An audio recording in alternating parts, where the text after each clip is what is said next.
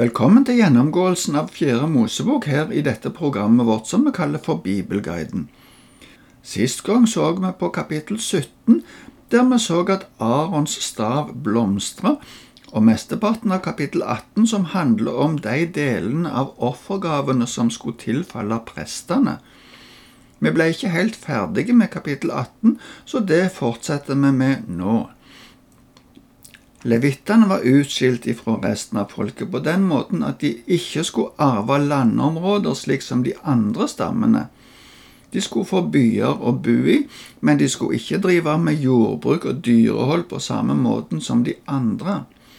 Det var meninga at de andre stammene skulle gi levittene det de trengte for å leve, for de skulle gi tiende av alt de hadde, til levittene. Det ble nok noen ganger noen flokker med dyr som levittene også måtte ha gjetere til, men det ble allikevel på en helt annen måte enn i de andre stammene. Men også levittene skulle tjene Gud med å gi tiende av det som de fikk. Det leser vi om i fortsettelsen av kapittel 18. Vi leser nå ifra vers 25 til 32 i kapittel 18. Herren sa til Moses, Du skal tale til levittene og si til dem, Når dere tar imot tiende fra israelittene, den delen jeg lar dere få fra dem, den som er deres i stedet for jordeiendom, da skal dere ta en tiendedel av tienden og gi som offergave til Herren. Denne gaven skal regnes som deres gave på samme måte som med kornet fra treskeplassen og vinen fra vinpressen. Slik skal også dere bære fram gaver til Herren av all tienden dere tar imot fra israelittene. Den delen av tienden som er en offergave til Herren, skal dere gi til Aron, presten. Av alle gavene dere får, skal dere bære fram for Herren det han skal ha. Den beste delen av hver gave skal dere hellige til ham. Du skal si til dem, Når dere bærer fram det beste til Herren, skal det regnes for levittene som likt med avlingen fra treskeplassen og vinpressen. Dere kan spise det hvor dere vil, dere og familiene deres. Det er lønnen dere får for tjenesten ved telthelligdommen. Når dere bærer fram det beste av tienden, skal dere ikke pådra deres skyld. Da vil dere ikke vanhellige de hellige gavene fra israelittene, og dere skal ikke dø. Levittene skulle gi videre tienden av den tienden som de hadde fått ifra folket. Levittene skulle gi dette til prestene, med Aron, øverstepresten, i spissen. Dette var òg for deg en måte å takke Herren for den gaven som Han ga til deg. I fortsettelsen, i kapittel 19, kommer det noen presiseringer om ofringer og renselse. Det hadde blitt gitt lover om dette tidligere, men det var muligens noen spørsmål som kom opp mens de var på vandring, som gjorde at de nå måtte presiseres. Vi skal nå lese kapittel 19 og begynne med de åtte første versene som handler om et spesielt offer. Herren sa til Moses og Aron, Dette er et lovbud som Herren har gitt. Si til israelittene at de skal komme til deg med en rød kvige som er uten feil, en som ikke har hatt åk på seg. Dere skal gi den til presten Elasar. Så skal den føres utenfor leiren og slaktes mens han ser på. Presten Elasar skal ta noe av blodet fra den på fingeren og skvette det sju ganger mot forsiden av telthelligdommen. Så skal kvigen brennes mens han ser på. Både huden, kjøttet, blodet og mageinnholdet skal brennes. Presten skal ta sedertre, isop og karmosinrød ull og kaste det på ilden der kvigen blir brent. Siden skal han vaske klærne sine og bade kroppen i vann, og så kan han komme inn i leiren. Men han skal være uren helt til kvelden. Også mannen som har brent kvigen skal vaske klærne sine i vann og bade kroppen i vann, og han skal være uren helt til kvelden. Dette var et helt spesielt offer. Nesten alltid skulle offerdyret være av hannkjønn. I dette tilfellet skulle det være ei kvige, i tillegg blir det angitt fargen på dette dyret. Fargen blir ellers aldri nevnt. Dessuten skulle dette offeret skje utenfor leiren, og ikke på alteret der det ellers alltid ble ofra. Vi ser at i dette tilfellet var det Elasar, sønnen til øverstepresten Aron, som skulle foreta ofringen. Aron var nå gammel, og Elasar skulle snart overta hans gjerning. Kanskje dette var en slags innvielse av Elasar til denne gjerningen. Det sies ikke noe konkret om det, men det er en mulighet. Det var også uvanlig at dyret skulle bli brent helt opp.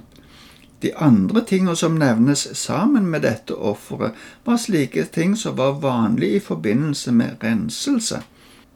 Men uansett så ser vi at disse ritualene gjorde både presten og medhjelperne ureine, og derfor måtte de vaske seg og regnes som ureine resten av dagen. Men aska av dette offeret skulle de også ta vare på.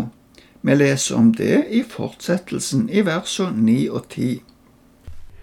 En mann som er ren, skal samle opp asken av kvigen og legge den på et rent sted utenfor leiren.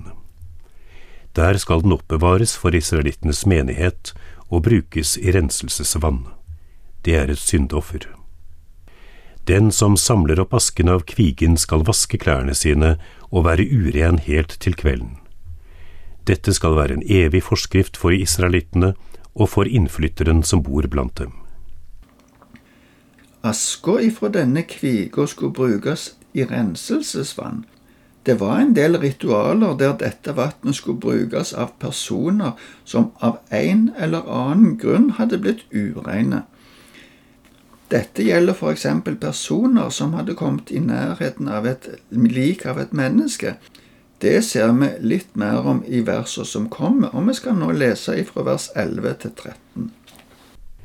Den som rører ved lik av et menneske, skal være uren i sju dager. Han skal rense seg på den tredje og den sjuende dagen, så han blir ren. Hvis han ikke renser seg den tredje og den sjuende dagen, blir han ikke ren. Vær den som rører ved et lik, et dødt menneske, og ikke renser seg for synd, gjør Herrens bolig uren og skal utryddes av Israel. Fordi det ikke er stenket renselsesvann på ham, er han uren. Urenheten henger fortsatt ved ham. Når noen hadde rørt ved en død person, så skulle de være ureine i sju dager. Den tredje og den sjuende dagen så skulle de foreta en renselsesseremoni. Denne renselsen var ikke bare fysisk renselse, men også en åndelig renselse. Det skal bli skvetta noe av dette renselsesvannet på denne personen. Litt mer om reglene for renselse, hvordan dette skal skje og hvem som blir regnet som ureine, blir sagt i fortsettelsen. Vi leser fra vers 14 til 20. Dette sier loven. Når et menneske dør i et telt, skal alle som kommer inn i teltet, og alle som er i det, være urene i sju dager. Og hvert åpent kar som det ikke er lagt lokk på, er urent. Enhver som er ute på marken og rører ved en som er drept med sverd eller en som er død på annen måte, eller rører ved et menneskebein eller en grav, skal være uren i sju dager. For å rense den urene skal de ta noe av asken etter syndofferet som er brent, ha den opp i et kar og helle friskt vann over. En mann som er ren skal ta isop og dyppe i vannet. Så skal han skvette det på teltet, på alt utstyr og menneskene som var der, og på ham som rørte ved et bein, eller ved en som var drept eller var død på annen måte, eller rørte ved en grav. Den som er ren, skal skvette det på den urene på den tredje og den sjuende dagen. Når den urene blir ren på den sjuende dagen, skal han vaske klærne sine og bade i vann. Om kvelden er han ren. Den som er blitt uren og ikke renser seg, skal bli utstøtt fra forsamlingen, for han har gjort Herrens helligdom uren. Siden det ikke er stenket renselsesvann på ham, er han uren. Det var kanskje spørsmål fra folket som gjorde at disse spesifiseringene kom. Her ser vi hvor langt urenheten ble definert hvis dødsfallet skjer i et telt, og hvordan det virker om det er en som er død ute på marka. I det siste verset leste vi at en som ikke renser seg etter det som Gud har sagt, blir ansett som ulydig mot Gud og bør ikke få være med i forsamlingen, men regnes som urein av de andre. Han fornekter Guds nåde og tilgivelse. De siste to versene i kapittel 19 er som en oppsummering av loven om renselse. Vi skal lese disse to siste versene nå. Dette skal være en evig forskrift for dem. Den som skvettet renselsesvannet, skal vaske klærne sine. Om noen rører ved renselsesvannet, skal han være uren helt til kvelden. Alt det den urene rører ved, blir urent, og den som rører ved det urene, skal være uren helt til kvelden. Neste gang skal vi se på noen episoder ifra resten av vandringen. Da nærmer vi oss slutten på sjølve vandringen. De 40 åra som Israel var i ørkenen, fortelles det ellers ikke så mye om. Men nå slutter vi for i dag. Takk for nå, og Herren være med deg. Så håper jeg at du kommer tilbake neste gang.